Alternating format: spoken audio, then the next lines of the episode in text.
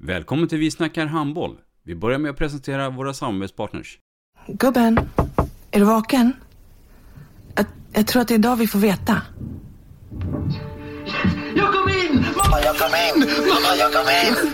Jag kom in! Ah! Vi finns där du är när livet förändras. För alltid välkommen till Länsförsäkringar. Nej men, ska du ha t-shirt på dig? Du, det är ingen vanlig t-shirt. Det är en nya bollar till klubben t-shirt. Och så matchar den grillkryddorna vi ska använda. Hur då? Men det är ju alla ska med på klassresan grillkryddor. Stötta barn och unga. Shoppa på newbodyfamily.com. Länge leve föreningslivet!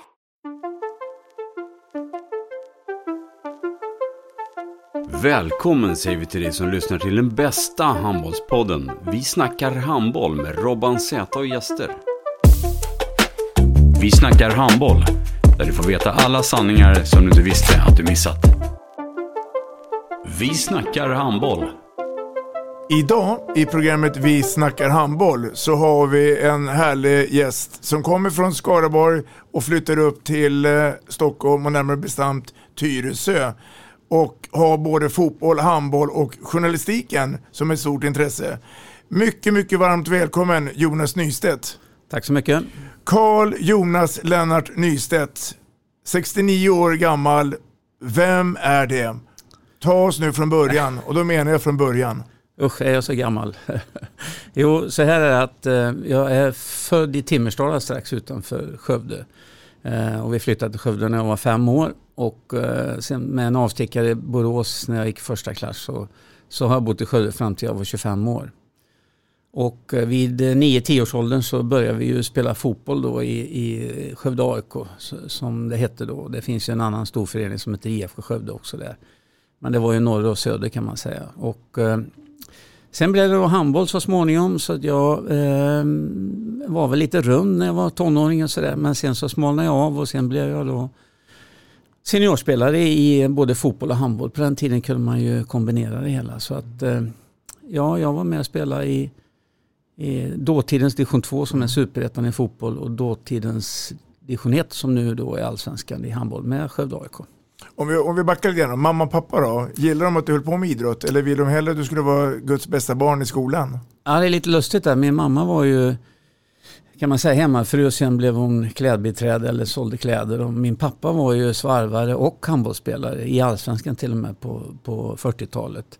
Men han var sällan så där pushig eller så mycket med. Han kom på matcherna relativt ofta liksom. Men mamma tyckte bara att det var bra att jag hade kompisar. Och de flesta kompisarna var ju dels i skolan och dels i idrotten. Och eh, skolan här då? Var, var, den, var den rolig på den tiden? Eller var, kände du att jag vill ut och sparka boll på rasterna så fort det bara gick? Eller, Nej, sk skolan var från början väldigt eh, rolig för att eh, i Skövde så hade vi en kille som jobbade på Skövde Nyheter som heter Egon Jonsson. Han höll i serier i fotboll och handboll. Så det blev ganska tidigt viktigt för oss. Och, och jag har flera bilder hemma från tidningen och sånt där när vi har vunnit olika serier i Egons serier. Så det blev ganska viktigt tidigt. Men sen är det som det är mellan eh, högstadiet och eh, eh, nästa steg gymnasiet då, så, så hade jag väl lite otur med lärare så jag var lite studioless kan man säga, studerande less. Så det blev väl ett tag, något år där som jag slarvade lite grann men jag tog igen det sen när, när det var ordning på livet igen. När, när man började komma med i A-lagsnivå och sånt där då, då blev det ordning på det hela. Vem hade du som första fotbollstränare? Minns du det? Nej, jag kommer inte ihåg det. Men jag kommer ihåg att eh, när jag kom upp i Skövdes eh, juniorlag då hade jag en före detta allsvensk handbollsmålvakt mycket som tränare som heter Ingemar Slompan Strid. Mm. Och jag vet att mina kompisar de tyckte det var så roligt för Slompan skrek på en spelare på planen. Det var på mig att jag skulle röra mig mer hela tiden. Det finns ju en, en känd ledare, föreningsledare i Skövde AIK som heter Janne Åberg. Ja. Um, nu kunde inte han vara med här i, podden, men han berättar i alla fall att eh, den här Jonas Nystedt, det var en duktig fotbollsspelare. Håller du med om det? Var det bra? Ja, alltså, eh, en av mina bästa vänner nu är Tobias Lindros som tränar Skövde AIK fotboll. Han, han, han är precis som jag, var. det är laget före jaget. Och mm. sa de till mig att jag skulle göra en roll, då gjorde jag det så gott jag kunde. Oftast gick det hyggligt. För jag, jag var ändå, i handboll var jag snabb men var lite mer långsam i fotboll. Så att, eh, jag var ganska positioneringsstark och så, det behövde man vara på Mm. den tiden. Och- den här runda tidigare Jonas Nystedt, han hade försvunnit. Ja, han hade, han hade försvunnit Ja, då faktiskt. Det, jag, det är en rolig grej där när Janne som jag känner väldigt väl och eh, som, som jag morsar på oftast när jag är nere i Skövde. Det är tyvärr inte så ofta men eh, eh, lagledarna sa att vi skulle spela mot Motala borta i en seriepremiär och då sa de att du ska markera Knalin Andersson, en legendarisk spelare från Åtvidaberg. Han passar dig perfekt. De hade sett någon match tidigare med honom. Jag var aldrig i närheten av Knalin. Motala vann med 4-1 och jag var faktiskt riktigt dålig. Men han var för bra. Ja. Ehm, när vi sen kommer in i um, vuxenlivet då, nere i Skövde. Eh, för att det är också att Skövde AIK hade ju då handboll, fotboll. Ja. Idag har man inte handboll. Nej. Varför det? Alltså, eh, jag var med lite på slutet. Jag flyttade 78 till Stockholm men eh, det, det var kärvt ekonomiskt. Då hade ju fotbollen åkt ur och eh, de ville väl göra någon uppdelning på det hela så att säga. Va? Och då var ju Skövde AIK mycket bättre i, i fotboll än vad IFK Skövde var. Så att eh, Skövde AIK överlät eh, verksamheten till något som heter HP Skövde. Mm. Eh, och eh, flytta från eh, legendariska idrottshallen till eh, en annan hall som idag... Utkanten? Nej, som, mitt? som ligger nu, det heter Västerhallen då. Ja, Det är nu en del av nya arenan i Skövde. Jag tyckte då att det var för jävligt naturligtvis med tanke på min pappas spel där och historien och alltihopa. Men, men det kanske var rätt ändå för idag, idag är ju Skövde AIK det klara alternativet Mm. till Skaraborg för fotboll och IFK Skövde för handboll. Så att jag tror för Skövdes del var det nog rätt. Och, och som gammal eh, eh, tidningsnörd så följer du tabeller och resultat med Skövde. Ja. Ja, ja, självklart. Absolut. Jag minns att de hade en, en uh, fotbollstränare som, som jag hade som favorit när jag var ungdomsspelare själv i fotboll. Tom Åhlund. Känner jag ju mycket väl naturligtvis. Ja. han var väldigt uppskattad där nere. Eh, tyvärr gick det väl inte så bra vid sidan om plan va? Så att, eh, av olika skäl som inte jag känner till. Men, men eh, han gjorde ju väldigt eh, stora avtryck och många av de kompisarna som jag träffar då och då, bland annat nu när jag var nere i, i början på november, så minns de ju Tom som fotbollstränare väldigt, väldigt eh, väl. Eh, Så att, eh, nej men han gjorde avtryck där nere. Du eh, nämnde det att eh, resan går vidare. Du, du lämnar Skövde och flyttar norrut till Stockholm och Tyresö.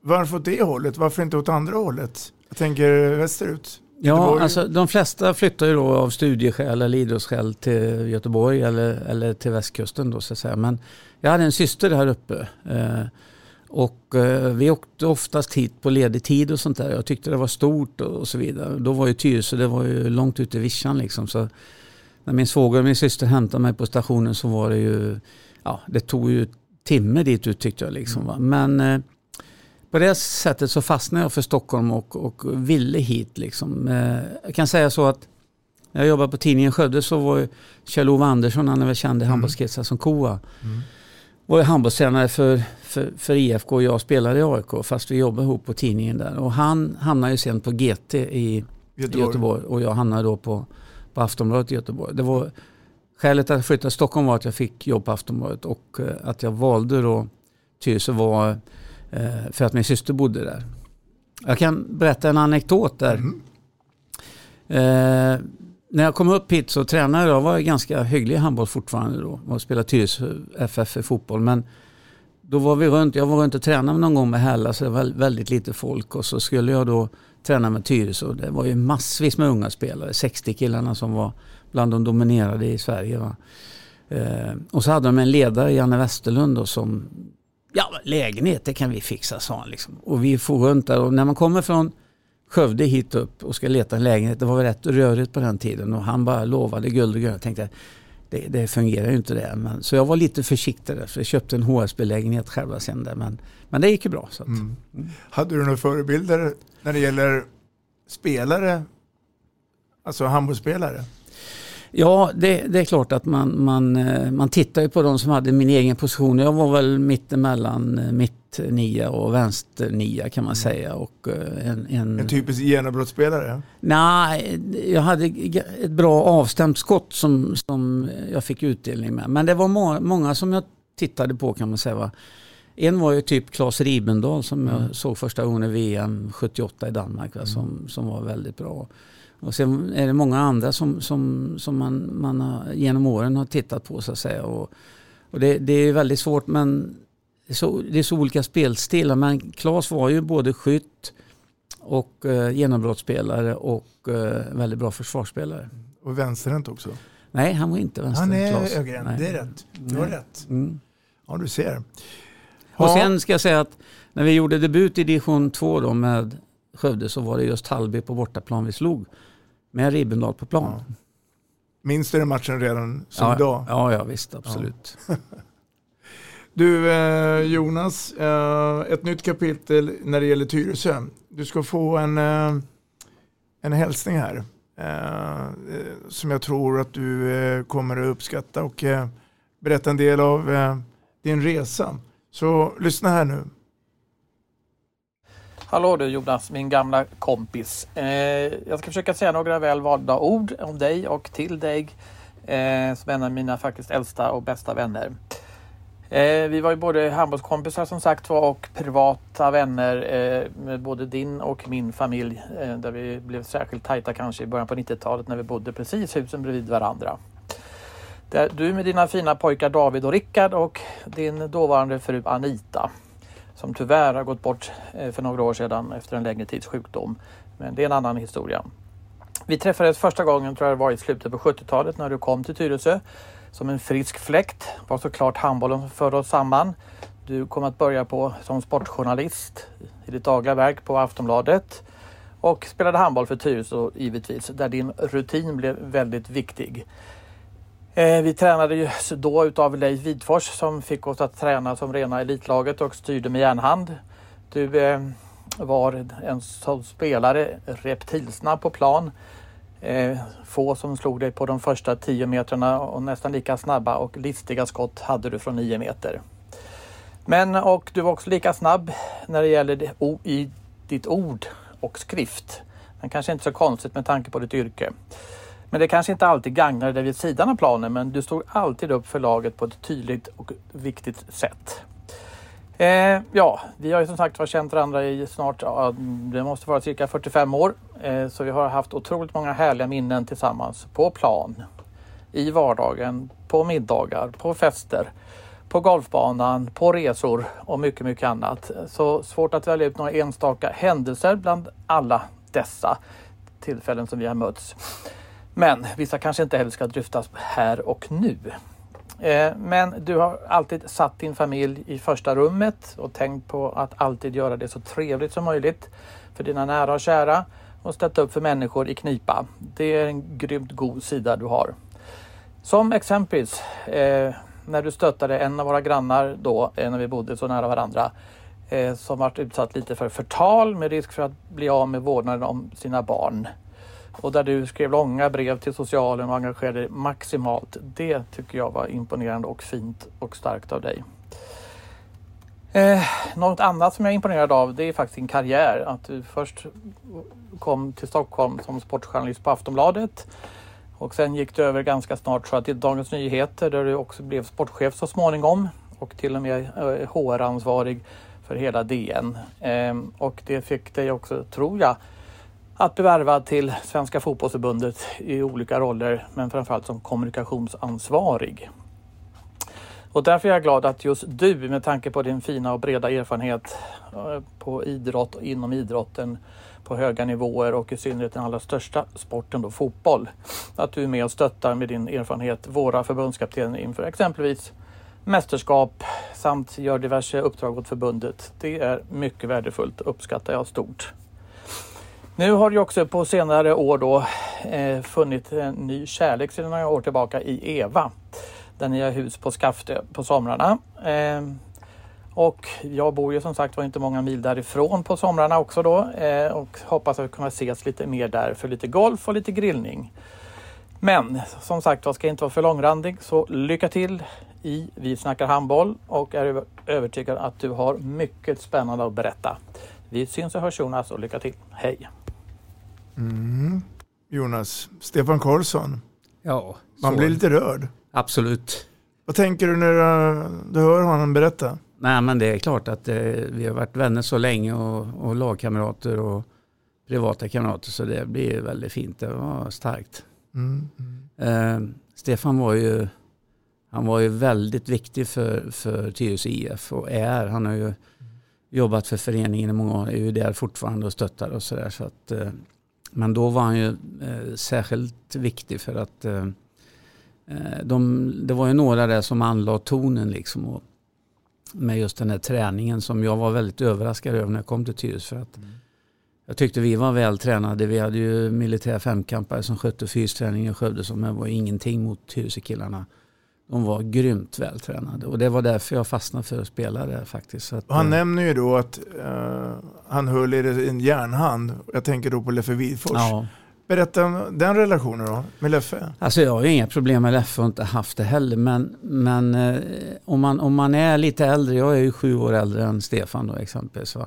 Så är det så att man har en annan erfarenhet av eh, exempelvis när, när eh, ungdomar blir seniorer, så att säga, vad, vad som behöver eh, bestämmas. Ibland kanske inte är helt fel att man, man säger att nu, nu vilar vi lite grann eller något. Men det fanns inte i Leffes, eh, Leffes tanke liksom. Och det, det, det tror jag hade gett Tyresö lite tidigare framgång om han hade varit lite mer ödmjuk för det. Men, men Leffe och några till har ju varit framgångsrika genom sin, sin starka personlighet och så vidare. Och det har jag inga synpunkter på. Men jag tyckte det var fel då och då sa jag det. Ja. Skulle det, tror du att den ledarskapen skulle eh, fungera idag? Eh, Nej, jag, jag, jag är väldigt god vän med Janne Andersson och Peter Wettergren i fotboll och alla fotbollsledare som jag har haft. Va? Söderberg och jag är ju privata vänner. Och, och jag har gjort massa grejer åt, åt de här och även med, med Solberg och Axnér Mm, nu som mm. jag känner väldigt väl. Så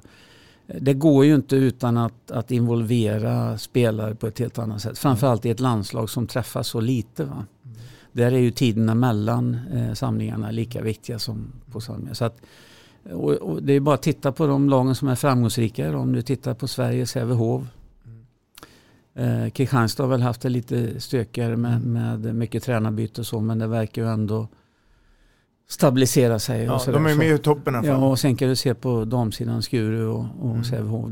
Jag, jag tror att det, det är så pass komplicerat idag så att eh, det går inte liksom att, att eh, göra annat än att eh, ta hänsyn till Ja. fler parametrar. Om, om vi stannar vid Tyresö-tiden där då. Så, idag heter du ju Tyresö Handboll. Då heter du Tyresö IF och HF. Mm.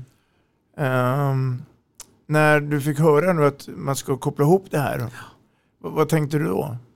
Jag, Serien tänk, jag, tänkte, jag tänkte det var jättebra för att eh, de slet, slet ju om samma sponsorer, slet ju oftast med träningstider och sånt där. Och jag var med i utkanten i det arbetet lite grann. Stefan som, som pratade så fint där, han, han var ju definitivt med. Och Lelle Söderström och, och ja, det var ju många, Linell och alla möjliga var ju inblandade. Så att jag tyckte att det blev ett väldigt moget och klokt beslut och, och det har de nog nytta av båda två idag för de är ju ändå i allsvenskan så att eh, eh, det tror jag var väldigt, väldigt bra faktiskt. Mm. Han berättade då, Stefan också, att eh, parallellt med handbollen så var och är ju fortfarande då, tror jag i alla fall, journalistiken viktig för dig.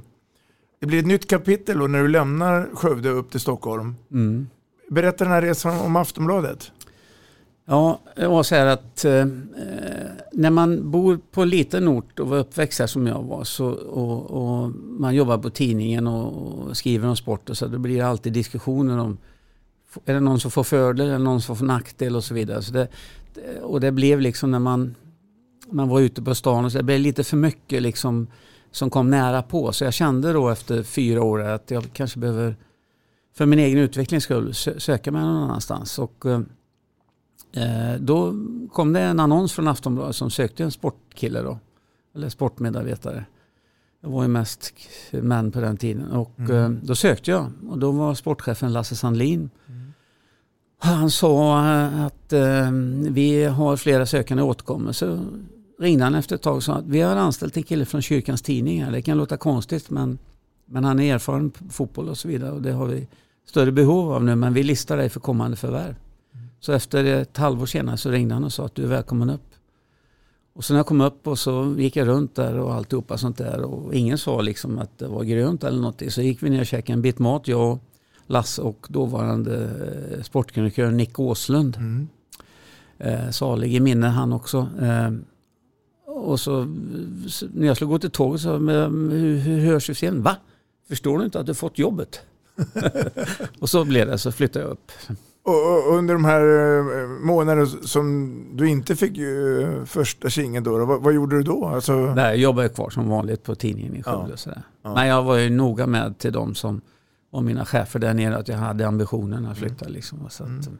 Och, och um, kvällsjournalistiken då och idag, är en stor skillnad? Ja, det, det, är en stor skillnad naturligtvis eftersom kvällstidningar idag är ju knappt morgontidningar. Mm. Liksom, så att det, det, men då var det ju väldigt, eh, det var väldigt hård kamp mellan Aftonbladet och Expressen. Det var ingen särskilt bra arbetsmiljö på, på Aftonbladet. Här kom jag från Skövde med, vi hade ingen restaurang på, på nattetid. Jag kom med mackor och kaffe och skulle jobba natt. Va? Och de andra de kom ju och, och, gick ut och käkade och drack lite grann och sådär. Så att det, var, det var inte så seriöst faktiskt. Mm. Mm. Så det tärde hårt på en och samarbetet var ganska miserabelt. Så det var många som eh, premierade sig själv och sitt ego för, för att göra, göra det tillsammans. Fick du någon nyckelroll då på tidningen? Att, att det här området skulle du sköta eller? Ja, lite grann kan man säga. Jag, jag eh, tror det, men jag fick hålla i 10 mil orientering. Mm. Väldigt spännande och jag fick skriva väldigt mycket handboll. Jag fick, eh, jag fick resa på i Svästia turnering i ishockey vet jag och sådär. Och, och, var lite olika liksom. Och han, han var ju väldigt bra Lasse där för att han han insåg ju att, att uh, man måste ha stimulans, inte bara liksom sitta mm. på, på... Så det var... Och sen uh, startade vi ju Stockholm Marathon och lite sådana här grejer som jag sen blev ansvarig för på DN bland annat. Så att nej men, ja, det var inte bara mörker kan man säga, mm. men, men det, var, det var tufft. Och dessutom var det tekniskt, det kanske blir tekniskt för er, men då, i Skövde jobbade man med, med, offset, det är mm. papper då. Va? Mm. Och så kom jag till Aftonbladet, var det bly? Då är det ju mm. upp och nervända världen mm. liksom. Va? Och det var Cicero och det var allt möjligt och det var punkter. Och, ja, det var mycket att ställa om. Och man hade olika deadline-tider också. Det kan man lugnt säga. Ja, Precis. Ja, men jag, jag, jag är en gammal journalist. Jag ja, jag vet, kolla. Det, jag, vet, jag vet Du, eh, Aftonbladet lämnar du sen? Ja, alltså, ja, eh, det är klart att jag fick, eh, vi fick första sonen 80 och mm. eh, David och andra Rickard 83. Och då jobbade jag natt på Aftonbladet. Det var ju bra början. Man jobbar sju på kvällen till sju på morgonen. Mm. Det var ju bra men efter ett tag blev det slitsamt. Mm. Och då tänkte jag att jag måste byta. Och jag ville ju vara kvar inom journalistiken och jag tyckte att det var, det var, jag hade mer att ge och lära mig och sådär. Så att, eh, och då fick jag eh, jobb på DN faktiskt. 84. Eh, det var väldigt eh, bra för min del och då jobbade jag varvat kväll och dag. De hade olika scheman och, och sådär. Så att eh, det blev ju mitt universitet kan man säga. Extra. Blev du värvad då eller sökte? Ja, jag sökte men sen så, det var, det, om det är svårt att få mediajobb idag så var det ju jätte, jättesvårt på den mm. tiden. Liksom, för att det var så sällan någon slutade på en sån tidning som DN exempelvis. Vem, vem hade du som första kontakt på DN? När Första kontakten... Vem anställde dig? Ja, det är lite svårt. Men, men det var så att det var ju, Kristina Österström var ju chefredaktör. Och sen var ju då Bobby Byström sportchef. Och sen eh, kommer jag inte ihåg exakt om det var, fanns det någon administrativ redaktionschef. Det fanns inte riktigt då på det sättet. Eh, men jag fick jobbet eh, och eh, hade väldigt eh, mycket bra samarbete med Kristina genom åren som mm. var så väldigt kunnig och väldigt intensiv chef så att säga. Och, eh, 86 blev jag första redaktionssekreteraren på, på DN-sporten. Så de hade inte haft någon. Det var en sån här planeringshistoria. Liksom, att mm. man skulle, och då fick jag gå över och jobba mer dagtid. Kom, kom den idén från, från er på redaktionen eller kom den från högre upp att man skulle ha en redaktions... Nej, det var nog, kan nog säga både och. Liksom, för mm. att eh, eh det, det var ju liksom sportens kommersialisering började mycket OS, VM och sånt där på den tiden. Och, och det var ju ett behov då att ha bättre planering. Liksom. In, inte så mycket dag för dag utan längre fram. Liksom. Eh, så att jag tror att det var en kombination av det. Liksom. Sen om jag gjorde det bra eller dåligt, det vet jag inte. Men, men eh, det, det, var, det, det, blev väldigt bra tycker jag. Var det roligt? Ja, jättekul. Ja. Han, han du skriva också vanliga artiklar då? Oh, ja. ja. Oh, ja. Eh, 86 var jag med på handbolls-VM i Schweiz. Mm. Var det Bern. Ja. Mm, stämmer det? Eh, det var då Olof Palme blev skjuten. Vi kom hem efter en match borta igenom och eh, hela restaurangen var helt nedsläckt mm. och alla bara grät. Och eh, Sverige kom fyra har för mig. Rag, Ragge var jätteglad mm. och det börjar ju marschen kan man säga. Så mm. att, eh, oh ja. Sen, sen när jag var så pass, hade så mycket kontakter med handboll och så, så, så fick jag ju liksom citat hålla på med det. Liksom. Mm. Jag kände ju Ragge, vi hade spelat mot varandra. Och, ja. hur, hur, eh, hur länge var du på DN? 17 år. 17 Började 84 och slutade 2002. Då hann du eh, träffa en hel del medarbetare. Det kan man lugnt säga. Mm. Du, eh, du ska få höra här. För här kommer en medarbetare från den tiden. Lyssna nu. Hej Jonas. Lasse Grimlund här. Du Jonas, vi har jobbat tillsammans en hel del du och jag. Framförallt i slutet kanske på 90-talet. Men din mest kända, kanske ditt mest största intryck du gjorde kanske som journalist på Dagens Nyheter. Det var ju när du satte ihop en sida med hej då, aj då, jo då, mo då, nej då, oj då. Ja, låter kanske lite konstigt och det var det väl också. Men det handlade om fem, sex artiklar som skulle rubriksättas. Du hade fått ett du hade tankarna på Modo åter i elitserien. Modo, kan man rimma på det? Jo då, det kan man ju göra. Stenmark fortsätter han köra slalom. Aj då.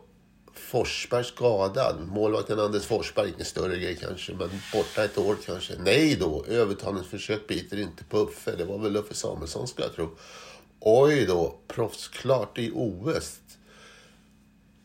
Debut i Calgary, hockeyspelarna då. Och så var det ju hej då. Per-Erik Eklund tog farväl från elitserien AIK och flyttade till Philadelphia Flyers.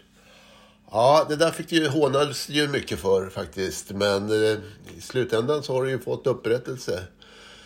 Så för att det är ju många som har kommenterat det där på Facebook. Eh, och eh, jag vet Jens Lind jobbade den kvällen. Han har skrivit på Facebook att eh, han tyckte Jonas fick ett kreativt utbrott. Det får du väl svara för själv sen. Var det verkligen så? Eller var det bara det vanliga Jonas Nystedt? Eh, och sen... Eh, men Jens skriver ju också med, stor, med stor konst blir alltid erkänd förr eller senare. Du var modig. Och så var det kanske. Du var rätt modig. Du lämnade ju DN sen också för att bli Bagdad-Bob i fotbollslandslaget. Det var du som skulle skydda Zlatan och Enke och de stora stjärnorna från, från oss i media. Du gjorde det bra, så du fick smeknamn Bagdad-Bob. Och det, det är väl något kanske att ha på CV. Det, det, det behöver inte vara fel. Bra Jonas, ha det bra nu då och eh, hej då. Vad ska man säga? Ja, Lasse, jättefin eh, kompis, duktig kollega. Eh, och eh, ja, han tillhörde faktiskt dem också som var lite kreativ måste jag säga. Han jag skrev mycket handboll och var kunnig i, i det mesta. Jobbade mycket med fotboll också när jag, när jag jobbade där sen. Så, så, så Lasse är ju eh, väldigt, väldigt uppskattad kollega och vän. Så att, eh, ja, just den där natten, det, det var ju så att när man sitter och ramlar in hockeytexter och sådär, då, då vill man ju få att någon vaknar på morgonen och reagerar på något sätt. Liksom, någon av rubrikerna var väl kanske inte helt sanningsenlig om jag ska vara ärlig. Men, men jag har ju sett det senare att det är många som har skrattat åt det. Liksom och, ja. Många har också sagt att det var inte så många sportsidor på DN på den tiden som lockade till något skratt. Liksom, så att, eh, ja. Nej, men om man inte testar så, så varken man vinner eller förlorar. Jag var väl lite modig. Men det, det, blir väl så på en tidning att det, att det blir alltså sporten är ett lag, kulturen är ett lag. Mm. Ehm, och, och ni sitter och resonerar samma saker och har säkert olika intressen. Men jag är lite nyfiken på, för att det ändå på den tiden skrev mycket handboll. Var det för att du och exempelvis Lasse brann för det? Eller var det så att handbollen i den här regionen var större, bättre? Eller hur, hur, hur går tankarna på redaktionen? Alltså, eh, man får tänka på att eh, nu pratar vi om mitten på 80-talet mm. och framåt. Och jag menar om du tittar på elitserien handboll idag så är det Hammarby. Mm. På damsidan är det Skuru, Skuru och, och, längre ner är Skåne och Tyresö mm. på damsidan och det är bara Tyresö. Uh, är det Tyresö och Skåne det också? Va? Det är så. Ja. När, jag, när, när vi, när, vi, uh, när vi tittar på det här då var det mycket, vad är de största idrotterna i Stockholm? Mm. Och då var handbollen en av de stora. Mm. Det fanns ju då Cliff som du vet mm. var jätteduktiga, Staffan mm. Olsson, Putte Nygren och alla de här. Sen var BK Söder med Tjolle, mm. Kalle Tagesson och ja, det var, Spårvägen. Svitjod, Bolton, mm. Eh, GT, du har eh, Tyresös damer. Alltså det var ju hur mycket handboll som helst. Mm. Och eh, jag vet inte om vi skrev exceptionellt mycket om handboll, det vet jag inte. Men vi var ganska duktiga på det vi mm. skrev. Mm. Eh, och eh, det, var, det var mer att, att vi var överens om det, liksom att, att de idrotterna som, som har flest utövare. Tidigare var det ju rätt eller fler, men slentrianmässigt var det mycket ishockey och fotboll bara. Mm, va? Mm. Och på den tiden ska man veta att i början på 90-talet hade allsvenskan i fotboll 4 000 i snitt på, på mm. läktarna. Nu har de ju 20 000. Mm. Liksom, va? Eh, och handbollen var ju då väldigt stor. Va? Plus att det fick ju en skjuts också av eh, eh, att, att eh, herrarna blev bra och vann VM-guld 90 och sådär. Och, och, det kändes som att det var... Eh, tyvärr måste jag säga att Eh, jag tycker faktiskt det är väldigt tråkigt att, att vi inte har fått en ny handbollshall i Stockholm eller, mm. eller mm. all idrottshall. För att jag tycker personligen att när man har fått, jag är bortskämd, jag har varit mycket på stora arenor och sånt där med olika idrotter. Och det tycker jag Eriksdalshallen är ju kulturbärare men det är ju inte, det är ju inte modernt på något Nej. sätt. Och, och, ska, ska exempelvis vi ta oss från Sollentuna idag till så vill man ha lite mer bekvämlighet mm. än vad man får på, på ett sånt ställe. Tror du att där ligger de andra eh, alltså, om vi tar här sidan nu, Hammarbys eh, konkurrenter steget före? För att de har en bättre anläggning? Eh. Ja, de har en bättre uppslutning tror jag totalt mm. sett. Eh, nu, nu, kan jag inte exakt liksom, eh, eh, hur detaljen ser ut liksom med, med uh, ungdomshandbollen i, i de här mindre föreningarna som mm. inte har samma elit längre. Det fanns ju så att eh, handbollen hade ju en, en egen turnering som hette DN-cupen. Ja, just det. Mm. Så, um, Absolut, ja, ja. Men det var, och det var ju också så att vi, vi satt ju nära i att alla idrotter skulle vi ha lokala resultat i. Mm. Jag såg ju till att, att bland annat han Stefan skrev ju, han tog in mm. resultat och han skrev eh, små notiser. Vi hade det på bandy, vi hade det på ishockey, vi hade det på, på fotboll, vi hade det på, på eh, när innebandyn kom, volleyboll. Allting hade vi för att åtminstone skulle alla känna att min förening finns i resultatbörsen. Mm. Jonas, här någonstans så händer någonting i din karriär. Du lämnar journalistiken och går över till något helt annat men ändå har med journalistiken att göra. Berätta. Alltså, eh, ja, eh, jag vet inte riktigt vad du tänker på men, men så här var det då att eh, eh 1990 så, så hade jag en diskussion med Kristina Götterström just. Eh, och jag tyckte så här att eh, det är så komplicerat idrott fortfarande men det var ju även då en del ska vara ekonomiska experter, en del som ska vara som Olof Lund, politiska experter inom idrotten. Eller medicinskt, alltså det, det är så komplicerat med idrotten idag. Och, och, och, då tycker jag att det var inte modernt med att ha en person som skulle tycka om allt. Mm. Jag tyckte att Robban, du, om du kan det här då, då ska du skriva om det. Mm. Eh, och vi hade en match jag och Kristina och hon sa att jag har varit på några seminarier och, och de tycker att det, fortfarande bäst med en krönikör. Mm. Eh, och, och, då valde jag att, att nej men okej, okay, då, då, då får jag göra annat på tidningen. Så. Mm. Jag vill gärna vara kvar och vill göra annat på tidningen. Sen lät vi ändå, många av de här, Grimlund och Littorin som, som Lasse nämnde här, de fick ju skriva analyser då istället mm. för krönikor. Men, men då kände jag så här att man måste få fler att växa på en redaktion. Och de var så duktiga på, de hade ju följt alpint och skidor och allt du vill. Va? Så de måste ju få skriva om det som är viktigt i den idrotten. Man måste inte ha en krönikör som ska skriva om allt. Nej. Eh, men det blev inte så. Då, då, då eh, fick jag gå över och starta någonting som var en konsumentsida på Stockholm som hette På din sida. Eh, och eh, efter det så, så började min eh, andra karriär kan man säga inom journalistiken. Mm. Och det var väldigt, väldigt spännande måste jag säga. Och med facit i handen, kändes det att det var rätt?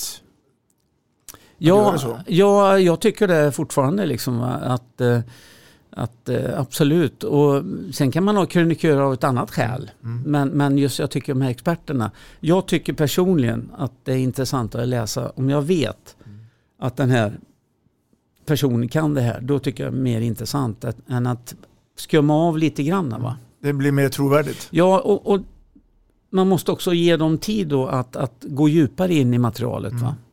Mm. Jag tycker att, att eh, ja, det är, jag tycker är väldigt, du kan ju se mm, inga jämförelser men titta på Erik Niva exempelvis mm. på, på, på, på Sportbladet när det mm. gäller mm. alla breda, breda saker, breda politiska frågor. Ja, det finns ju många andra på andra tidningar också. Men jag tycker att det är spännande. Läser du mycket idag? Alltså, läser du andra tidningar och följer? följer? Ja, jag, jag, måste säga att, att det är svårare för en gammal tidningsman att läsa digitalt. Mm. Men, men jag, jag, jag konstaterar ju liksom att, att man blir ju väldigt jag fastnar ju för vissa saker liksom och då vill jag ju läsa. Exempelvis en som gör ett väldigt bra jobb med, med spelberoende är ju Jens Littorin. Han är ju mm. ledande i hela Sverige. Eh, tycker jag är eh, jätteroligt. Va? Jag, jag, kan säga Jens Lind jobbar med på DN. Mycket bra exempel. Jens Lind, eh, det han gjorde nu med hockeyn och alltihopa är fantastiskt bra med dokumentärer. Det, eh, har man varit med så mycket så, så om du ursäktar, så är det lätt att läsa en rubrik och då förstår jag vad artikeln handlar om. Men när de här personerna som är kunniga på de här områdena Olof Lund är ju jätteduktig på, på det, eh, eh, just det här med, med allt kring fotbollen. Va? Sen tycker jag att han har fel i, i vissa saker eftersom jag har varit i den världen. Men det är en annan frå mm. fråga.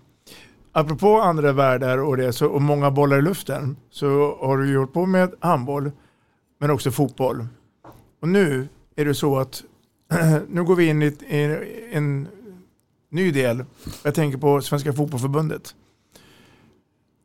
Var det många som blev överraskade tror du att Jonas Nystedt ska lämna journalistiken och gå på andra sidan staketet?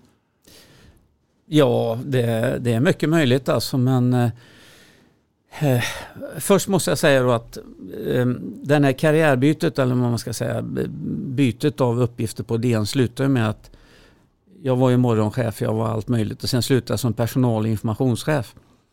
Det var ju en, en, eh, kom en chefredaktör från, från Göteborgs-Posten som heter Joakim Berner. Mm. Som var den som lyfte upp mig. Liksom. Han hade, tyckte jag, ett väldigt bra eh, eh, sätt att leda redaktionen. För att reportrar ska vara med örat mot asfalten.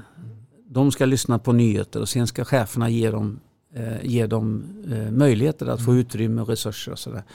Det ska inte vara några chefer som hittar på. Mm. och det var ju vårt mantra och vi, vi lyckades ganska bra med det. Men sen skulle han dra till Expressen. Eh, och då bestämde jag mig för att jag var kvar ett tag. Men sen så eh, kom det här erbjudandet från fotbollen. Första gången tackade jag nej. Eh, för då skulle det bara, det var efter fotbolls-EM 2000 när de hade problem med medierelationerna. Eh, men då så tackade jag nej. Eh, och sen kom då Sune Hellström som då var generalsekreterare på, på fotboll som jag, ja. som jag då har träffat i handbollssammanhang förut. Mm. Han var i mm. AIK. Och han erbjöd mig ett bredare uppdrag att vara informationschef som det hette på den tiden. Kommunikationschef heter det idag. Eh, och då bestämde jag, ja jag pratade med några naturligtvis och så det är klart du ska göra det. Mm. Så att eh, då tackade jag ja. Mm. Och sen var det bara in i Första februari 2002 började på fotbollen. Mm. Och de skulle åka till eh, VM i Japan och Korea i maj. Mm. Eh, och det var väl inte tillräckligt mycket förberett tyckte jag så att det var ju att kasta sig in i hetluften med en gång. Hade du någon mentor på den tiden då eller fick du göra allting själv? Sune var en väldigt bra mm. mentor kan man säga. Och, eh, så, så, att, eh, ja, sen eh, tyckte jag att jag hade en bra, eh, bra personal från mm. början. Liksom, De var i början på internetsatsningen var att, att vända, att bara skicka ut förbundsmeddelanden istället för att öppna upp förbundet mot, med nyheter och sådana här saker. Och, och vi hade eh, jättebra personer som, som jobbar med media och tv-frågor. Och så så det, var en, det var en bra plats att komma till. Och arbetsplatsen var då? På den tiden? Råsunda stadion. Mm. Jag förstod det. Eh, en klassisk arena. Ja, det kan man lugnt säga. Det var, det var väldigt känslosamt. Det är faktiskt tio år sedan som, vi, som, vi, som jag och min avdelning ordnade eh, så att folk fick komma och hämta prylar från Råsunda ja. stadion. Hur var den känslan då? Ja, det var väldigt starkt alltså, måste ja. jag säga. Du vet, jag hade suttit på läktaren eh, när Ove Kinnvall gjorde sina mål, det var 69 va? Mm. Eh, för då var jag uppe hos min mm. syster här. Mm. Hennes man var, Ingvar var fotbollsledare i Tyresö. Han var mattläggare. Vi hade en matta, rullade ut och satt på, på läktaren där och såg när Kinnvall gjorde två mål. Eh, så att jag hade ju en väldig förnimmelse av Råsunda. Så när jag fick komma dit och jobba var det ju stort. Liksom. Mm. Och sen att vara med om den här förändringen från Råsunda till Friends. Det var ju ett arbete som startade 2005 kan man säga och invigde 2012. Så det, det, är klart att det har varit fantastiskt. Och under den här tiden med Fotbollförbundet så måste du komma i kontakt med ohyggligt många ledare. Ja. Ehm, jag tänker bland annat på olika lag och, och för du jobbar väl inte bara med A-landslaget eller var det? Nej, nej. nej. nej inte alls. I, I början var det inte tänkt att jag skulle resa med något landslag utan jag skulle vara övergripande mer. Mm. Så Sen hände det en massa saker kring, kring, eh, kring det här. Både liksom, eh, utvecklingen och pers personligen och vilka relationer man fick och sådär. Så att det blev till slut så att, att jag fick ta ansvaret för även medierelationerna för herrar, damer och i viss mån u mm.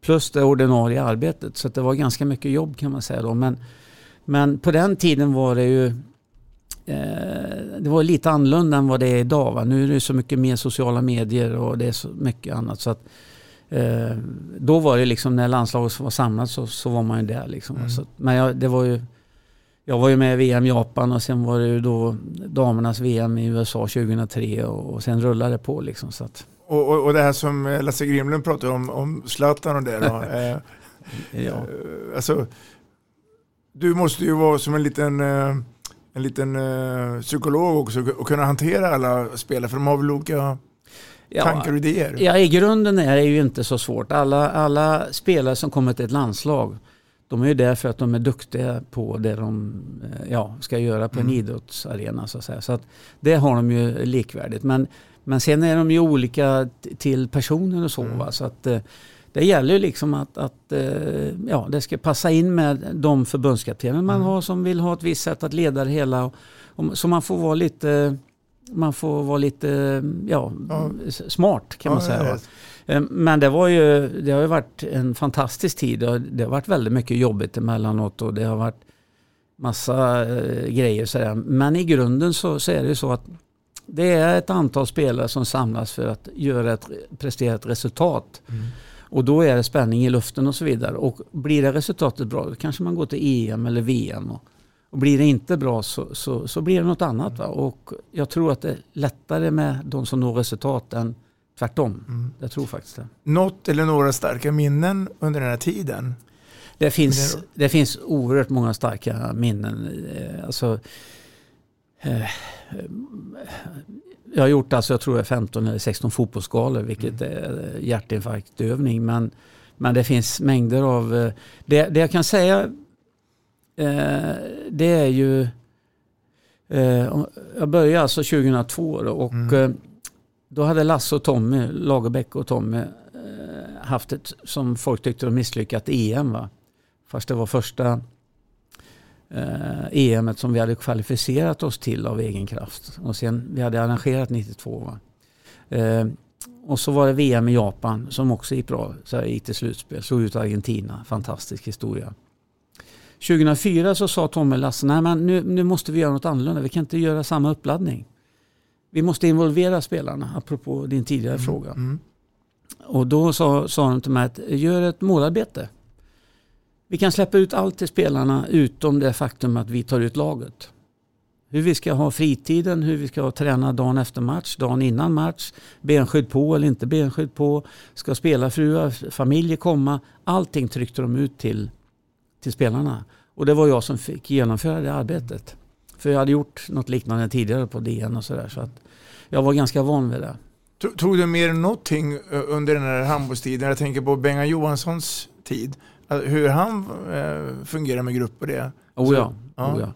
Eh, Be- Bengan var ju också en personlig vän till mig. Jag hade honom som gästtränare i Tyresös juniorlag och han var hemma och käkade middag och sådär. Så att, eh, han, han hade ju också så starka karaktärer i sitt lag om, du, om du tittar på VM-guldet 90 och sådär. Så att eh, det vore ju direkt konstigt att inte, att inte ta, ta in det. Och jag kan säga att de flesta fotbollsspelare som jag har träffat, både i alla nivåer, damer och herrar, de har ju väldigt taktiskt kunnande. Va? Många av de spelarna som, som var med är ju otroligt drivna naturligtvis. Va? Och det man kan se idag, eh, om du kommer ihåg, då sa ju alla att Ljungberg och, och Mellberg slogs ju i VM i Japan. Va?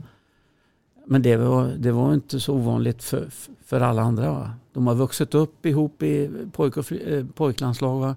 Och de, de komma till VM, det är ju det största de kan vara med på. Att det smäller till då, det är inget konstigt Nej. för någon. Men de vill alltid lagets väl. Jag, kan, jag kan lova att det har varit folk som har velat byta halvlek och alltihopa. Då har laget klivit fram och sagt att nu byter vi ihop. Va? Och du vet att eh, de här framgångarna som fotbollen har haft, eh, handbollen också naturligtvis, men, men det är så att, att de är så drivna liksom. Va? Och det ser man ju nu, både tjejerna nu i EM och, och herrarna eh, med Solberg och Apelgren. Liksom, det är ju jävligt spännande att se vilka, vilken påverkan de har. Liksom. Och jag tror att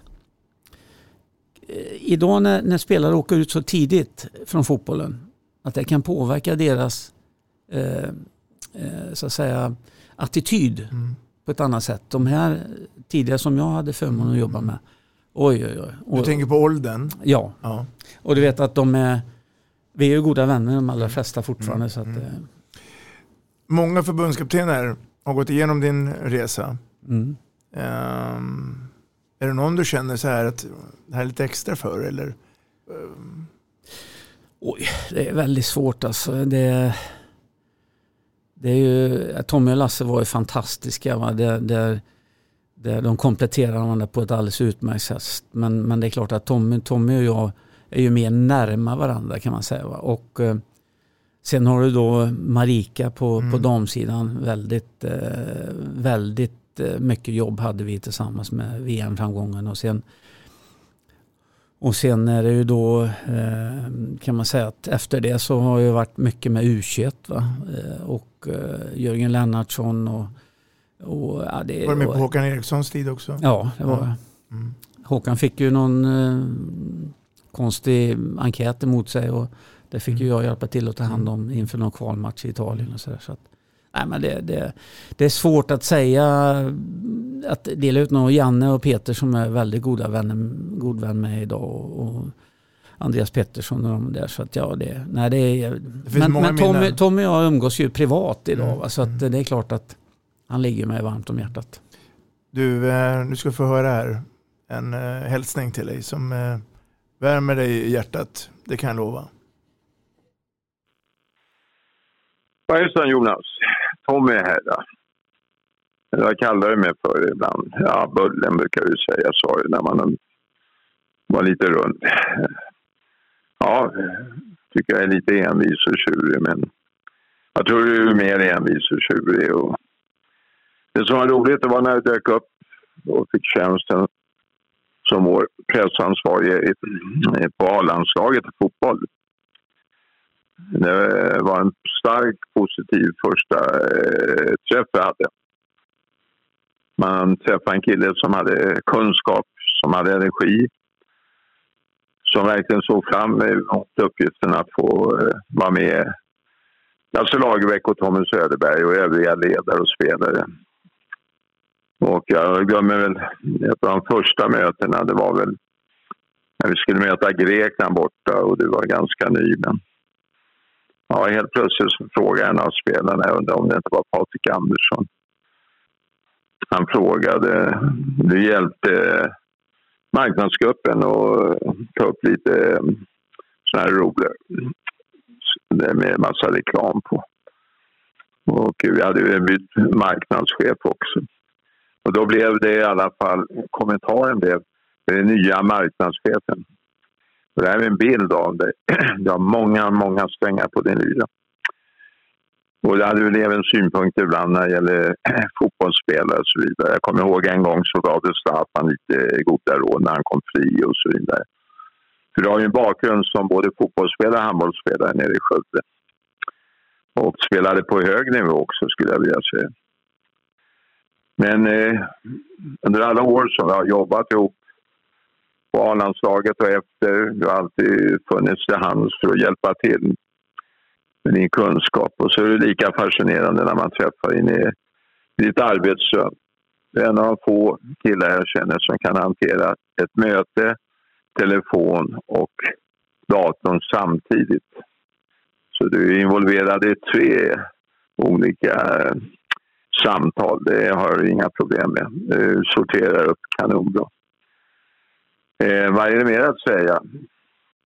Ja, sådana här spelarkommentarer. Jag nämnde en där nu blev marknadschef. Men det var ju, det var ju nya eh, kommunikationskillen.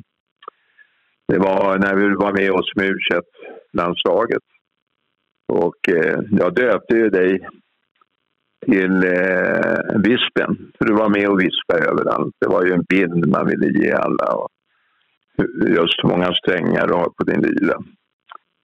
Men sen skulle vi gå och spela en u landskamp Jag tar, tror det var när vi mötte Serbien borta. Det var Emir Bayrami som du fick en bra kontakt med, fotbollsspelaren som sen ja, kom från Köping, killen som sen spelade i Elfsborg och som nu har varit tränare också i Elfsborg. Eh, men när vi sitter på bussen då frågar han mig, Tommy den där där nya killen, Jonas, han var trevligt, var mycket snack, han eh, bryr sig om oss spelare och ledare. Jag har hört, han har smeknamnet Sleven, så det, det, du vevade om ordentligt. Det gick från att vara en liten visp, sen blev du slev i spelares ögon. Så det är sådana här minnen man kommer ihåg. Alltid glad, alltid energifylld.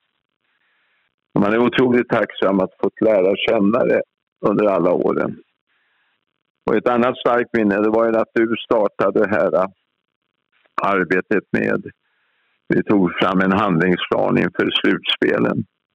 Ett framgångsrecept det var där fick spelarna jobba vid samlingar. Inte bara att vi tränade, hade fotbollssnack och spelade en landskamp. Utan vi jobbade i smågrupper också.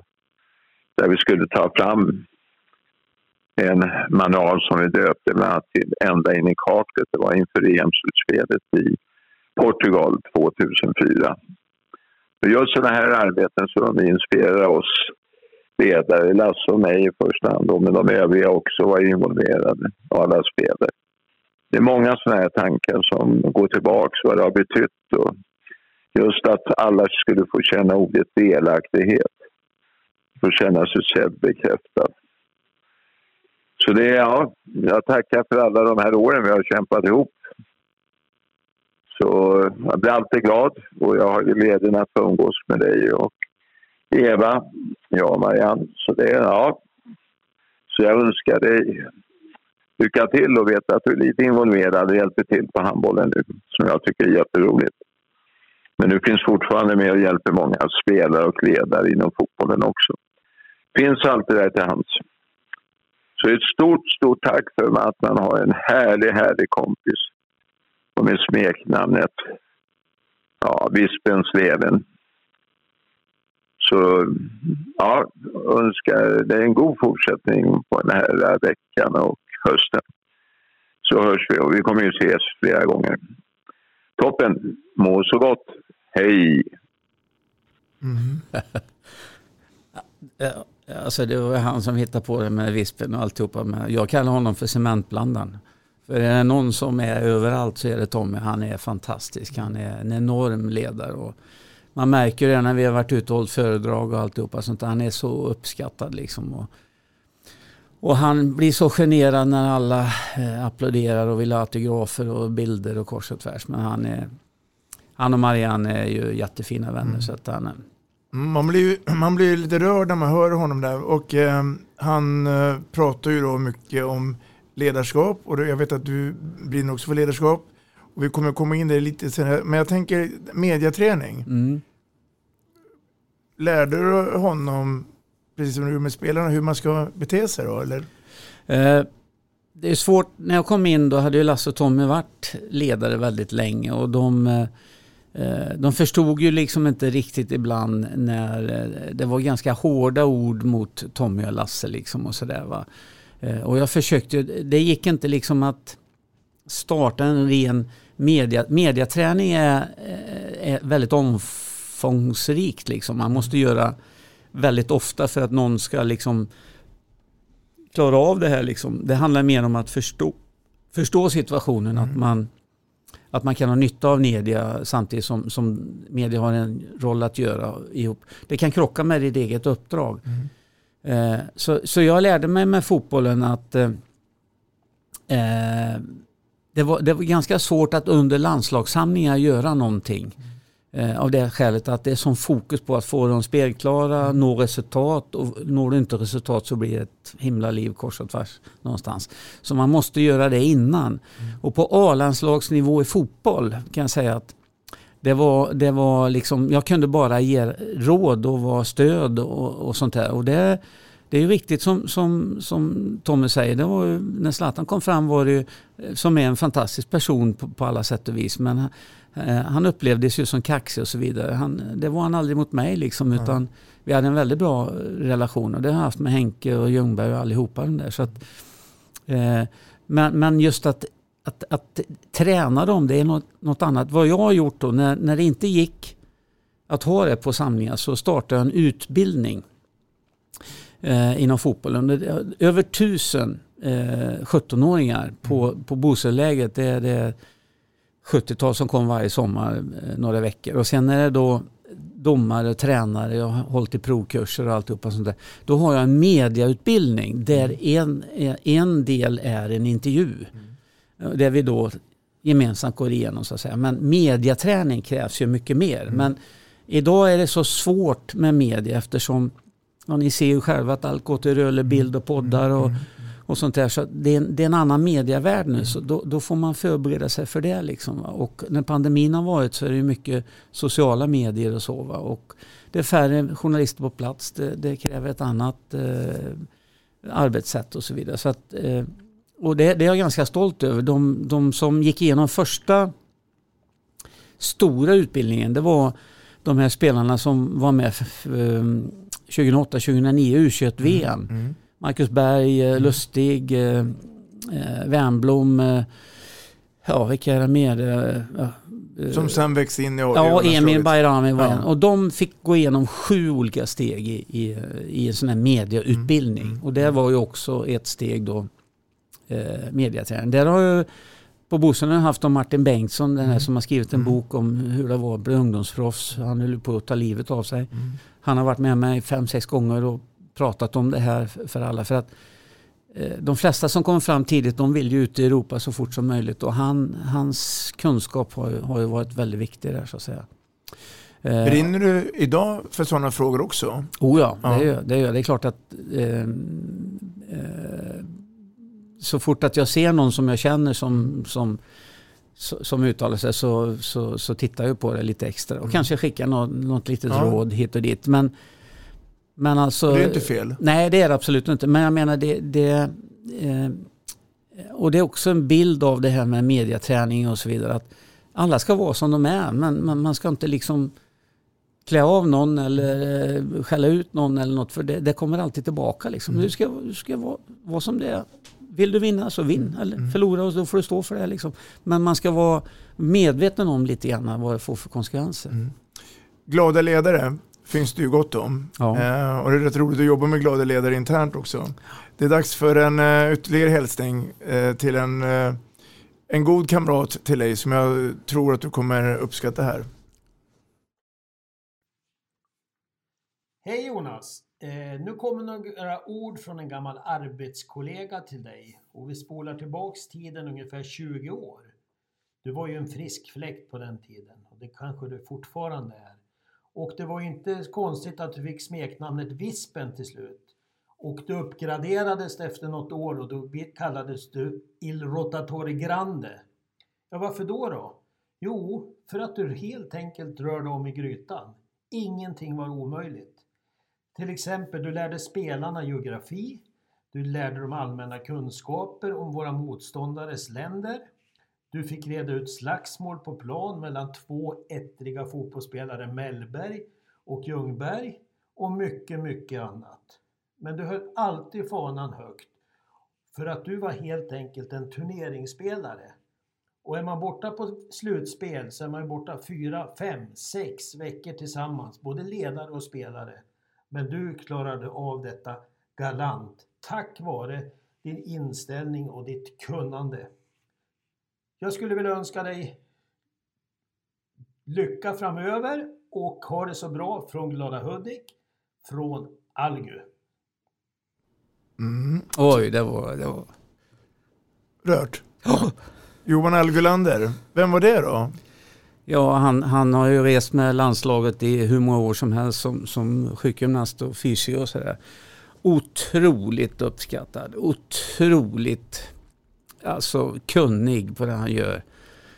Och nu vet jag, jag känner ju familjen och döttrar som spelar handboll. Och, alltså, han är ju, och nu är han ju engagerad i Hudik. Han, tänk vad han har betytt alltså. Eh, så det, det, ser man, det är, det är oftast förbundskaptener som kanske får, får bra, bra betyg, går, går bra och dåligt. Men en sån som han, vet du, han, ah, du vet, vilken respekt alltså. Han, eh, Och jobbar mycket i det tysta. Ja, ja, ja, du, du ska veta liksom. Sen är han ju en extrem vinnare i allt han gör. Det känner du säkert Oh ja, till mycket eh, väl. Robert. Att, Mm. Men han är, ja, men vi är han har ju kommit, han har ju bott hemma hos mig med familjen när de spelar Tyresö Cup i handboll, eh, eller Anna Cup eller vad det Mm. heter i Tyresö. Så, ja, det är stort alltså. ja, vilka minnen vi har, herregud. Ja. San Marino borta och ja, fy fasen alltså. Det är...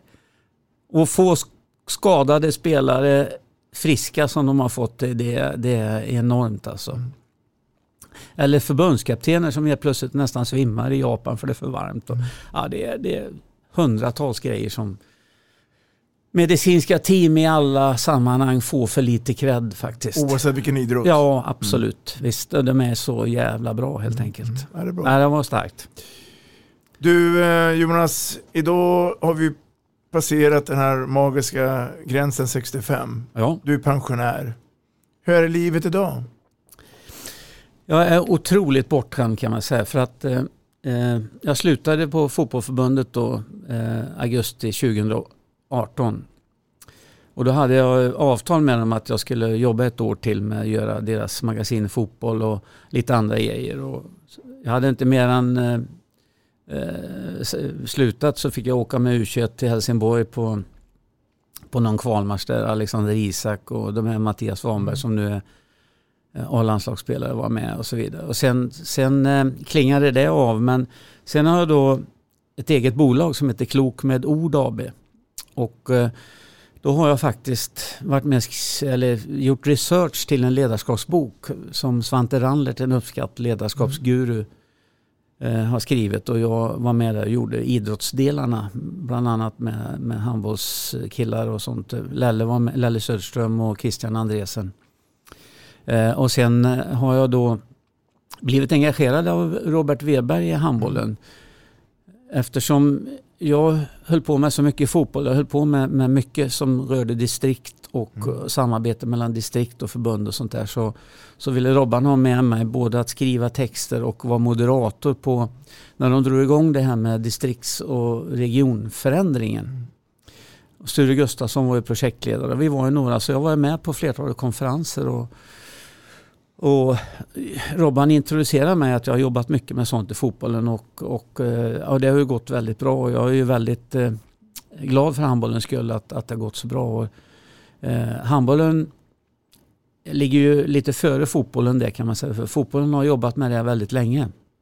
Men inte lyckats. Men okej, okay, det, det, är 24 distrikt där. Det var 13 på mm. handbollen. Det är mycket större, det är fler människor involverade. Det, det är en större apparat. Men jag är imponerad av hur handbollen gjorde. Nu gick underifrån och ställde att alla frågor måste upp innan vi förändrar någonting. Mm. Och min uppfattning är nu, du kanske vet mer än jag Robban, men min uppfattning är nu, nu är det ett rättvist system över hela landet. Mm. Det är inte bara Stockholm, Göteborg Malmö utan vill de ha stöd med utbildningar, vill de ha stöd med annat så, så finns det samma kriterier. Det är rätt. Och det är en, en väldigt bra grund att stå på.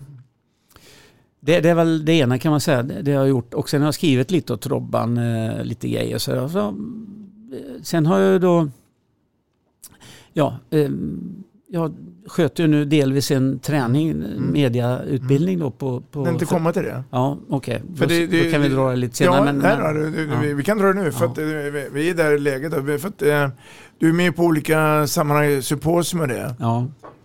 Och en variant tror jag ska hända i januari. Ja. Precis, vill du berätta den? Ja då, det är inga problem. Det är andra gången jag är med då. Första var, vad är det nu, 2022, det var väl 2020 då i samband med EM. Och då är det de här tränarna som går mastercoach. Man måste ju ha licenser då för att, för att, vilket jag tycker är bra. Jag, jag hade kanske en liten skev bild när jag kom in i, i den här världen. Då är vi två. Ja, mm. att vad fan, vi är bra fotbollsspelare, handbollsspelare, det är klart vi kan träna ett lag. Mm. Men det, idag är det, det är så mycket mer komplicerat så att jag tycker att det här licenssystemet är, är, är bra. Det är klokt faktiskt. Så de tränarna går då en utbildning i, jag tror det är nästan ett och ett halvt år. Mm. Och en del av utbildningen är då media och kommunikation. Och, och då är andra året nu, jag ska hålla det i januari med nu är det Oskar Karlén, Patrik Fahlgren och ett antal andra. Förra gången var det Axnér, Signell, Jerry Hallbäck och Peter nere i Helsingborg som är från Tyresö. Ja. Så, och, och det är ungefär som, som jag har sagt här, det är delvis utbildning, dels är det råd. Eh, som jag sa, liksom att eh, det är inte katastrof om man får stryk i handboll eller fotboll. Katastrof är det kriget och sånt där som pågår mm. i, i, om i världen. Det är helt rätt. Man får ha viss känsla av hur man uttrycker sig. Det är mm. bara enkla råd egentligen. Det, det, och sen är det då, i det formatet finns det då liksom intervjuer och sånt. Så nu håller tränarna som ska komma i januari på att skicka lite bakgrundstext mm. till mig på, på vilka de är då. Sen kanske inte jag ställer de frågorna men, mm. men jag menar jag känner inte alla så väl. Så att, mm. Och det är tränare från Finland och sådär. Så. Är, är det svårt? Eller det, det kräver spännande? ju en väldig förberedelse. Va? Mm. Och, uh, ni vet ju själva att, att, ord säger oftast mer, eller bild säger mer mm. än ord. Förlåt. Mm. Uh, så att jag behöver ha lite intervjuer där uh, också som är gjorda. Det håller jag på att leta nu. Och, Uh, igår så skickade jag en fråga till Oskar Kalén att uh, det finns en intervju efter någon vann SM-guld och kan du tänka att den får med? Så säger han okej, okay, då tar jag med den. Säger han inte okej, okay, då tar jag inte med den. Mm. Det kan jag berätta en parentes. Uh, jag gjorde så när, när VM-truppen i, i damfotboll togs ut inför VM 2011 var det väl. och då var det då eh, Kosovare Asllani, Lolo Fors och Louise Skiljegard som, som hade varit i TV4 och pratat och sånt där. Och, eh, då skulle jag ha ett sånt här mediaprat i Algarve under Thomas Dennebys ledning. Då frågade de om jag fick använda deras bilder. Eh, som, som, att man fick prata om det sen, inte som dåliga eller bra Nej. exempel utan mer hur, hur det kan se ut. Va? Och då gjorde jag så. Kosovo var innan var jätteglad och under VM så var det ju deppigt. Va? Och så där. Och det, det, så är det ju. Va? Mm. Eh, fick jag läsa i Lasse Grimlunds tidning DN sen att jag hade använt Kosse som dåligt exempel. Eh, men det, hon hade själv godkänt det liksom. Men, men, det är ju inte mig någonting, absolut inte. Men det är därför jag frågar Oskar. De och det är väl är bra? Okay? Ja, det är väl fair play? Ja, ja, ja, visst, självklart. Du brinner mycket för handboll fortfarande? Ja, verkligen. Ja. Jag ser det mesta på tv. Jag, Ja, har ju varit på alla mästerskap nu. Vi går på handboll då och då. Evas ena barnbarn ville spela i Sollentunas 2012 och Underbart att få gå ner på Ja. handbollsskola, eller handboll för ungdomar och inte Ja. bara de här kända. Jag får ju en flashlight från när jag själv var ungdomsledare. Mm, jag för min, min grabbs pojklag i, som var klasslag från början och som gick till pojk-SM, eh, P16-SM och junior-SM. Och sen, sen eh, gick det bra för några, Marcus Berg, Mikael Östlund och allihopa. Men En som brinner för eh, den här sporten och brinner mycket för eh, det du gjort. Den kommer här en hälsning. Lyssna nu. Hej Jonas, det här är Claes Hellgren som hade ynnesten att få, få vara mycket tillsammans med dig. Eh, först med vetskapen om att du var en bra fotbollsspelare, en bra handbollsspelare och sen en journalist som man alltid kunde lita på. Inte nog med det, man kände också att du hade en väldigt stor kunskap om våran sport. För mig så är du den journalisten under den här epoken som jag själv spelade och som jag också var väldigt inblandad i. Var väldigt glad över att ha fått jobba med dig. Jag vill bara skicka en hälsning och tacka. Och egentligen så, så har det betytt mycket, mycket mer än vad du kan tänka dig. Det som du gjorde när du skrev om oss. För det var väldigt viktigt på den tiden. Och det var väldigt få som var så insatta som du är och har varit.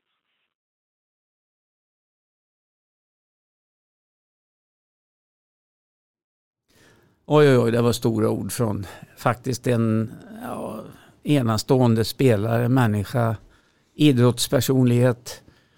Alltså han var ju med redan när jag på mitt första VM 78 i Danmark och har ju varit med sedan dess. Och nu på senare år så har vi inte träffats så mycket men jag har ju haft honom lite då och då på ja, Facebook och sånt där och jag har sett att han varit engagerad i Hammarby fotboll och Västerås. Och, alltså han är ju en, ett unikum Claes alltså. Han är ju så jävla duktig som kommentator också faktiskt. Och han och Pärlan gjorde ju grymt bra. Nu gör ju han och Anders det väldigt bra. Så att, eh, nej, men det är ju Ja, alltså all, allt han...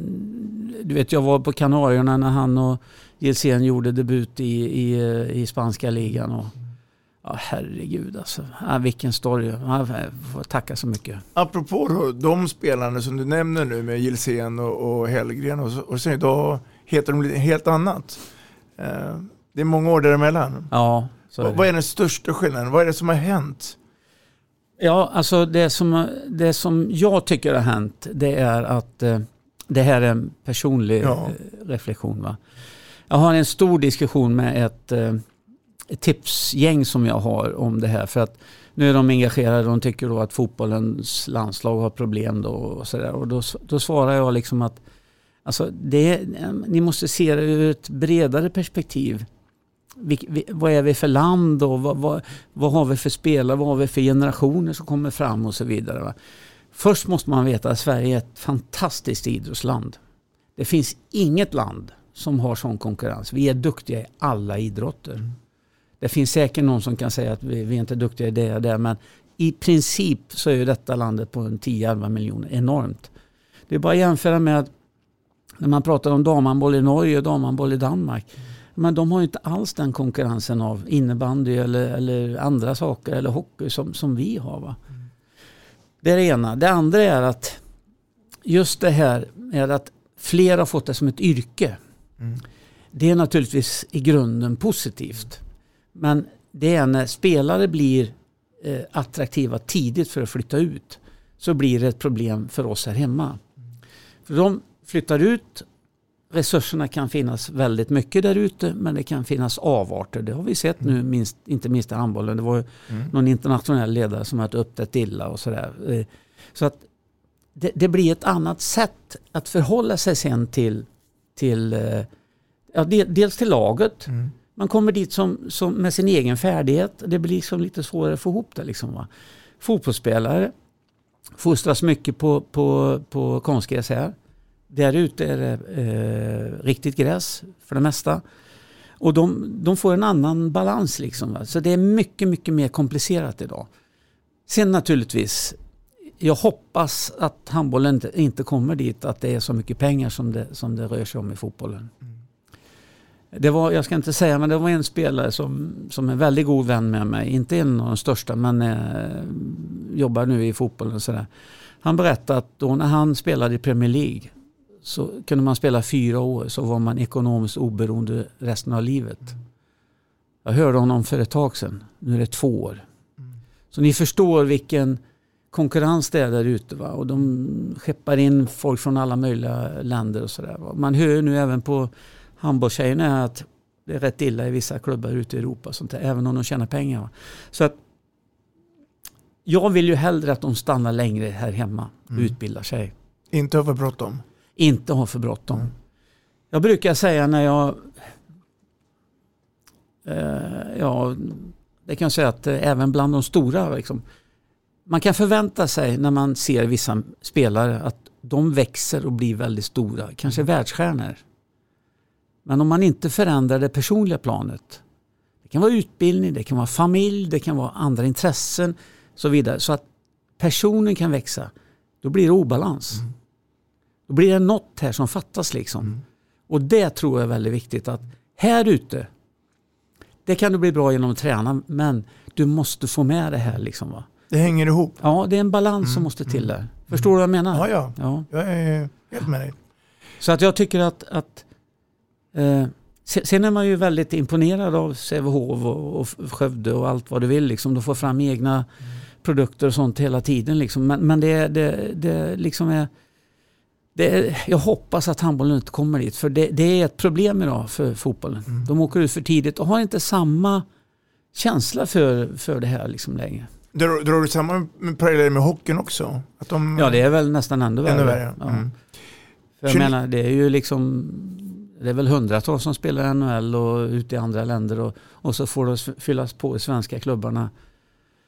Eh, Ja, ja, jag tror att det, det är... Så jag hopp, handbollen är ju inte det. Jag hoppas verkligen att... Och det, då är ett sätt att ha utbildade tränare. Mm. 29 januari, Mm. Tele2 Arena, då spelas VM-finalen. Kommer Sverige dit tror du? Oj, det var en sån här 10 000 fråga. Men man kan säga så här att eh, eh, jag har haft förmånen att lära känna Glenn Solberg och nu känner jag även Mikael Apelgren.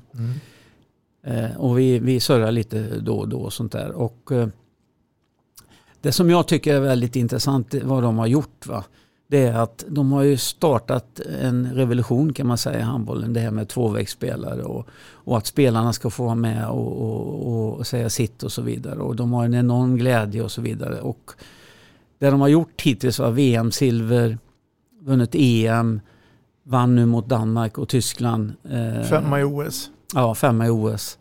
Eh, och, och jag tycker liksom att eh, det finns goda förutsättningar för att Sverige ska gå långt. Men, men det var som Apelgren sa vid något tillfälle. Han sa att det kan ändå avgöras Jonas de sista tre, fyra minuterna på en match. Liksom, och det kan gå hur som helst. Va? Så att, eh, men det känns som att eh, eh, men de, de, ja, det, de har ju världsstjärnor på varenda plats. Va? Vilka, vilka, andra lag, vilka andra landslag har det? Det är ju Mm, samma det- med det är en bra fråga. Det är Samtidigt samma med tjejerna har ju fantastiskt bra lag. Va? Ja, samtidigt då så får de ju kravet. Kravet blir högre. Oh ja. Är det viktigt att de fixar ett VM-guld enligt dig? Eller är det mer viktigt att de är med i toppen år efter år efter år? Jag tror så här. Eh, att eh, det, det lilla jag pratat med Glenn egentligen om just det här så är det så att, att deras ambition är att Sverige ska vara bland de bästa i världen framöver. Du vet att Norge har mycket mer resurser. Det finns andra, Danmark har mer resurser, Tyskland kors och tvärs. Men då måste vi vara smarta liksom. Va? Och, och det är klart att man önskar att de, de klarar av det här i januari. Men det är en lång väg dit och jag är väldigt nöjd om, om, om de presterar som de själva vill. Det vill säga att vi visar att vi är bland de bästa i världen i handboll. Mm. Sen är det klart att vi hoppas alla att de ska vinna. Jag håller tummarna. Ja. Du eh, inledde programmet med den runda Nystedt. och du spelar golf idag. Mår kropp och hälsa bra idag? Ja, det kan man säga att eh, det här med att spela på hygglig nivå med, med, med handboll och fotboll har ju kostat på. Jag har ju ja, det, bytt en höftled och slått sönder lite tänder och sytt lite varstans och sånt där. Men, Men jag mår bra. Jag tränar regelbundet och, och vi har ett bra liv. Haft, vi har haft det kämpigt i familjen med, med, av olika skäl och sådär. Men, men eh, det är jättebra så att jag, jag kan inte klaga på någonting. Eh, egentligen. Så att eh, nej, det, jag är bortskämd Mm. kan man säga. Jonas Nystedt, det är så att tiden har kommit ikapp oss. Det har varit en ära att ha haft med det här i Vi snackar handboll. Jag hoppas att det är ömsesidigt. Oh ja, verkligen. Det var Och fantastiskt. Ta hand om dig och eh, alla nya utmaningar. Ja, det är samma. Och vem vet, du kanske blir finalreporter på Tele2 Arena. Ja, det tror jag inte de vill ha med mig på. Det tror jag inte. De sköter det bra själva. Så. Vi snackar handboll, där du får veta alla sanningar som du inte visste att du missat. Vi snackar handboll. Vi snackar handboll produceras av produktionsbolaget High On Experience, från vision till passion. Ett avslutande tack till våra samarbetspartners. Hallå! Kommer ni eller? Ja, ja. Har du sett mina ankelsockar? De här? Nej, nej, jag menar skridskoslip till juniorlaget Ankelsockarna. Ja, men kolla bredvid träningsläger med handbollstjejerna-t-shirtarna. Stötta barn och unga. Shoppa på newbodyfamily.com. Länge leve föreningslivet! Gubben, är du vaken? Jag, jag tror att det är idag vi får veta. Jag kom in! Mamma, jag kom in! Mamma, jag kom in! Jag kom in! Ah! Vi finns där du är när livet förändras. För alltid välkommen till Länsförsäkringar.